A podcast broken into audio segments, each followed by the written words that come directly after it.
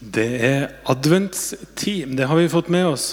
Og adventstid, det er også ventetid. Har dere tenkt på det, dere, at når vi venter på noen ting, da vet vi hva vi håper på? Når vi venter og sitter og venter, så vet vi hva vi, hva vi håper på der framme. Når vi venter, så vet vi hva vi lengter etter. Når vi venter, så kommer vi nært et eller annet som ligger ganske dypt nedi oss. Og Derfor har vi adventstida. Det er for å komme i nærheten av disse tingene her. Og Så fins det ei god ventetid, og det fins ei dårlig, ei ond ventetid. Den som har vært på utredning, tatt noen blodprøver og sittet og venta på å få en eh, beskjed om hva dette er, og en frykter at det er alvorlig, da er det ikke noe godt å vente. altså. Eller spør en flyktning som venter på svar fra UDI. Det er ikke noe særlig. Spør en av de mange eh, papirløse flyktningene som vi møter hver torsdag her. De har ikke gjort annet enn å vente i 10, og 15 og 20 år. Det er ikke noe enkel sak å vente. Og vet dere, En gang så gjorde noen amerikanske forskere de gjorde et forsøk. De samla 32 personer som var helt frivillige, og så sa de nå skal vi gi dere elektrisk støt. Og så skal vi se på dere hvordan dere syns det er å vente på å få elektrisk støt. Og ventetida vet dere det, den ble altså så vanskelig for mange av de her at de sa at hvis jeg slipper å vente noe lenger nå, så kan dere få sett enda sterkere støt enn det vi hadde avtalt på forhånd. Skjønte dere? Bare jeg slipper å vente, så bare gønn på her. Bare jeg slipper å vente. Det er så vanskelig å vente, og masse venting kan være ordentlig vondt. Men så er det masse god venting også. Tenk å vente på en kjæreste som skal komme hjem til jul, f.eks. Det kan være litt tungt, det òg, men det er jo jammen en god venting. Og husk når vi, når vi var unger og venta på julaften. Jeg hadde det i hvert fall sånn at jeg satt der og så på pakkene som lå under treet. Og så begynte Sølvguttene å synge jula inn, og det var altså de lengste sangene i verden. Men når jeg ser tilbake på det, så var det jo litt sånn god venting, det der òg. I fjor sommer så var jeg og familien min vi var på interrail. Vi tok tog fra land til land, fra by til by. Vi satt timevis i trange, overfylte kupeer øst, på østeuropeiske tog. Og jeg vet ikke hvor mange ganger en i familien spurte Å, når er vi framme? Vi satt der og venta så fælt på å komme fram. Og like mange ganger som vi stilte spørsmålet, så måtte vi svare hverandre at ja, men vi er jo framme. Vi er riktignok på vei til et annet sted, men vi er akkurat der vi er meint å være. Vi skal ikke være noe annet sted. Det er jo dette som er ferien. Ferien vår ble altså en øvelse i å vente. Og det er viktig å gjøre av og til. Venting det er en viktig del av livet. Det blir en øvelse i å tenke at vi skal ikke alltid være et annet sted enn vi er nå. Men noen ganger så skal vi være akkurat der vi er sjøl om det kan være vanskelig eller kjedelig eller et eller annet. Og det er dette vi øver oss på i adventstida. Vi øver oss på å vente. Og det trenger vi i vår kultur. Og nå snakker jeg ikke om dere, men nå snakker jeg om dere også, og meg sjøl. For vår kultur der venter vi jo ikke på noen ting som helst. Altså Ta en kikk på trikken. Det er 100 omtrent. Og jeg sjøl gjør det. Sitter jo med en smarttelefon og kikker på. Eller du står i køen på Rema og tar opp telefonen. For det er jo helt utenkelig å skulle gjøre ingenting. Det går jo ikke an i vår kultur å gjøre ingenting lenger. Og Før i tida, da alt var så innmari mye bedre, da venta man på å gifte seg. Men nå, nå flytta man sammen etter tre uker, tre dager, kanskje tre minutter. Det går litt kjapt, og ikke så venter man ikke på å bli sulten før man begynner å spise. Det har i hvert fall jeg slutta med for lenge siden. Det er noe med tempoet vårt. Vi venter ikke sånn som en gjorde før. Og Derfor så tenker jeg at vi trenger adventstida. For den som venter, han vet hva han lengter etter. Den som venter på noe, vet hva han håper på. Og den som venter, kommer i kontakt med et eller annet som befinner seg på dypet i oss. Jeg tror at den som venter, oppdager et eller annet som vi ikke kan se, hvis vi bare haster videre til det neste. Denne Nei, ikke denne uka, men for et par uker siden så var jeg på boklansering til denne lille boka her, som heter 'Det kan bli fint likevel'. ikke det en fin tittel? Det kan bli fint likevel. Det er ganske oppmuntrende og optimistisk og håpefullt. Og I storsalen der har de fått en ny prest, en kjempebra fyr, som heter Jostein Ørum. Jeg syns dere skal begynne å gå der. Nei, nei det syns jeg ikke. Eh, bli her, please. Men han er en veldig bra fyr, og han har skrevet denne boka her. Det kan bli fint likevel. Og Dette er en bok om Josef. Mannen til Maria. Faren til Jesus. Og Hvis det er en tid på året der Josef er aktuell, så er det vel akkurat nå. Og Josef han hadde mange drømmer og mange lengsler, tror jeg. Her har han altså funnet drømmedama Maria på 14-15 år. De hadde forlova seg. Maria gravid. Og det er én ting Josef vet, det er at dette barnet er ikke mitt. Så Maria må si det som det er. Sorry, Josef, men Den hellige ånd kom over meg. Det er litt rart å tenke på at det var sånn det måtte være. Men dette er jo da utgangspunktet som gjør at Josef han fikk ikke det livet han ba om. Han fikk ikke det livet han drømte om. Han måtte ta en helt annen vei enn det han opprinnelig hadde tenkt. Og Josef han fikk et liv med ganske mange nederlag. han. Har dere tenkt på det? Fødselen til dette barnet som vi venta på. Det gikk jo ikke helt sånn som han hadde tenkt, det heller. Han rota det til. Det eneste han klarte å skaffe, var en stall. Tenk det da, Dama di er gravid og skal føde, og det du har å by på, er en stall med skitt og lort og dyr og jeg vet ikke hva. Et annet nederlag det må ha vært da Jesus ble borte i tre dager som tolvåring. Tenk å miste barnet sitt i tre dager. Det er ganske lenge, det. Det er omsorgssvikt, spør du meg. Da de til slutt fant han i tempelet, husker dere hva Jesus sa da?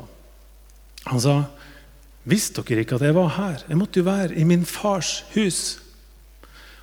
Og der i den situasjonen får Josef altså høre det han allerede visste, at 'du er ikke min far'. Og jeg tror at Josef ofte må ha tenkt at han skulle ønske at han var et annet sted. Jeg tror han må ha tenkt ofte åh, er vi framme snart? For nå er jeg et sted der jeg ikke ønsker å være. Nå trenger jeg et håp. Men så er det også sånn at Josef han var en mann som hadde ørene og blikket sitt vendt mot himmelen. Og der fikk han håp. Han fikk håp om at han likevel er på rett vei i livet. Han er der han skal være. Så Josef han beit i seg stolthet og prestisje. Han ga barnet et navn, han ga barnet et hjem, han ga barnet masse omsorg. Han la vekk sine egne drømmer og fulgte en vei som ikke han sjøl har tegna opp, men han gjorde Guds drømmer, han gjorde Maria sine drømmer om til sine drømmer. Og der levde Josef livet sitt.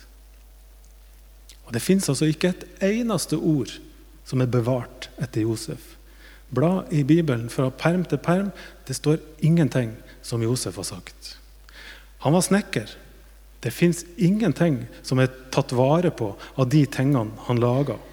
Men i denne boka så sier Jostein Ørum Jeg kaller han Josef Ørum veldig ofte. og Det blir helt feil. Men Jostein han sier da i denne boka noe veldig fint. Han sier at det som står igjen etter Josef, det er jo valgene han tok.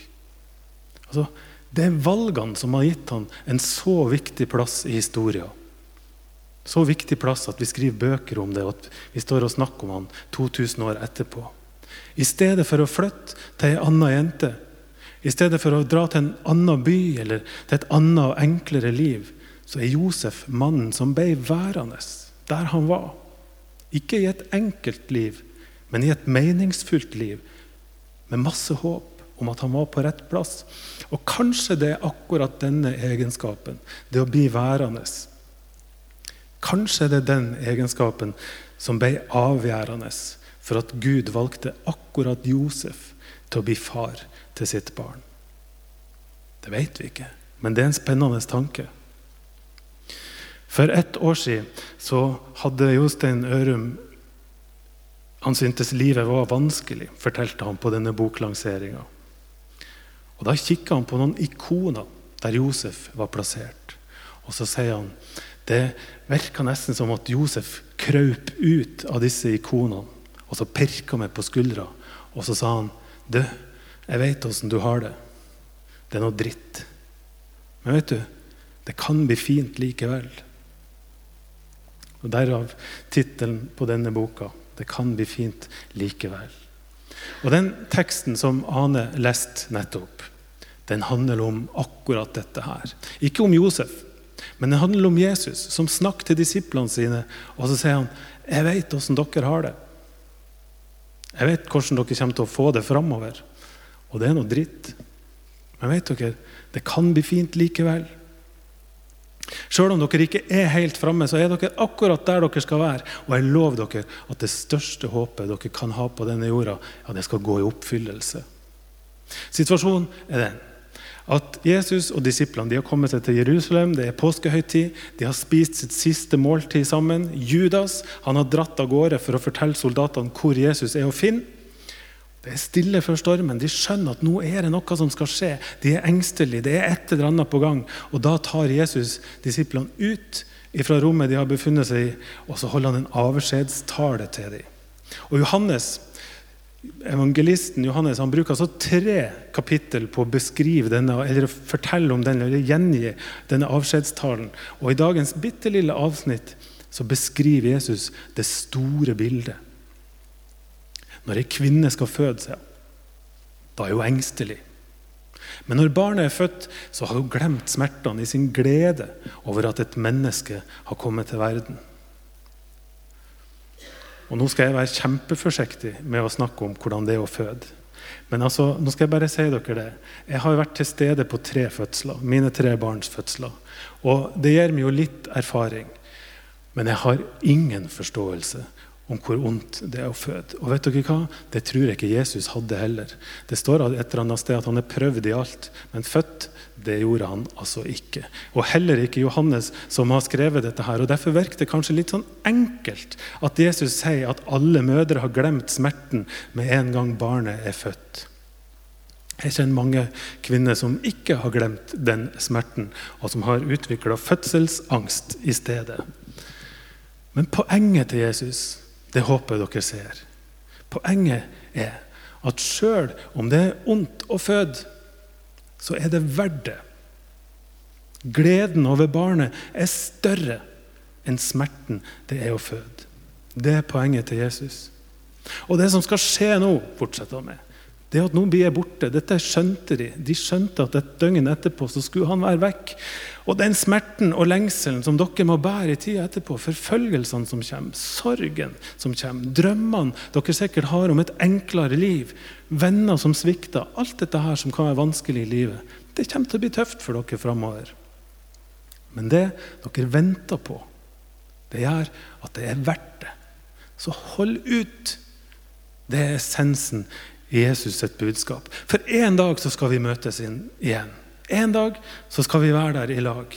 Og det er dette dere skal vente på. En dag så skal jeg komme tilbake til dere, ikke som et lite barn, men i all min prakt, som konge over himmel og jord. Og den dagen, da skal all smerte være glemt. Ingen og ingenting skal kunne ta gleden ifra dere. Det kommer til å bli fint likevel. Og som Paulus en gang sa det litt seinere, at nå, nå ser vi stykkevis og delt. Men den dagen da skal vi se helt og fullt. Den dagen skal alle våre spørsmål stilne og bli borte. Fra den dagen så er alle våre bønner i ett med Guds vilje, og da skal vi få det vi ber om. Og gleden skal være fullkommen. Så hold ut, sier Jesus. Den som venter. Det som venter dere, det er en glede som er større enn all smerte dere noen gang kommer til å oppleve. Og Jeg vet ikke hva dere tenker, men for meg så er det der et ganske godt budskap å ta med seg i adventstida og i livet sitt. Denne søndagen kalles altså håpets adventssøndag. Håpets søndag. Vi er midt i adventstida, der vi øver oss i å vente. Der ventinga skal lære oss å komme i kontakt med våre innerste lengsler, våre største håp. Og akkurat da kommer altså Jesus til oss i denne teksten og forteller om et håp som gjør at uansett hva vi strever med, så skal det en dag bli fint likevel. Og Derfor trenger vi adventstida, hvis det er dette vi skal oppdage. For når vi venter, så kommer vi i kontakt med noe vi ikke kan se, hvis vi bare haster videre til det neste. Og Jeg håper at vi som går i kraftverket, skal orke å vente litt i det adventstida. Øv oss i det. For det er en viktig del av livet, sjøl om det er kjedelig og selv om det kan være tungt. I hvert fall den gode ventinga. Og tenk hvis det fører til at vi ser at sjøl om livet er vanskelig, så er Jesus der. Han tar ikke bort alt det vanskelige, men han går der sammen med oss. For et håp det gir oss. Og kanskje pirker han oss på skuldra mens vi venter, og sier at det kan bli fint likevel. Jeg håper adventstida skal gi oss en lengsel etter den dagen at Jesus skal komme tilbake og ta oss med til et sted der vår glede skal være fullkommen. Jeg håper at vi skal øve oss i å vente og få se at disse tingene er sant. Skal vi be. Jesus, takk for at du alltid gir håp. Og I dag takker vi deg for det største håpet vi som mennesker og som kirke har. At vi en dag skal få se det ansikt til ansikt og leve sammen med det i en verden der det onde ikke fins, men der vår glede er fullkommen. Og Jesus, jeg ber nå om at vi som er her nå, at du skal gi oss en lengsel etter å se dette her. Bruk adventstida til å komme til oss og gi oss en lengsel etter å leve livet vårt sammen med det. Jeg ber for alle som har kommet til kraftverket i dag. Vi har mange ting som vi strever med. Vi har mange gleder, men vi har også mange sorger. Nå ber vi gå gjennom alt sammen med oss, Jesus. Vi ber om at du skal bære de byrdene som vi ikke klarer å bære sjøl. Og vi ber om at du skal gå foran oss og vise vei og gi oss et håp om at uansett hvordan ting er, så skal det bli fint likevel. Det ber vi om i ditt navn. Amen.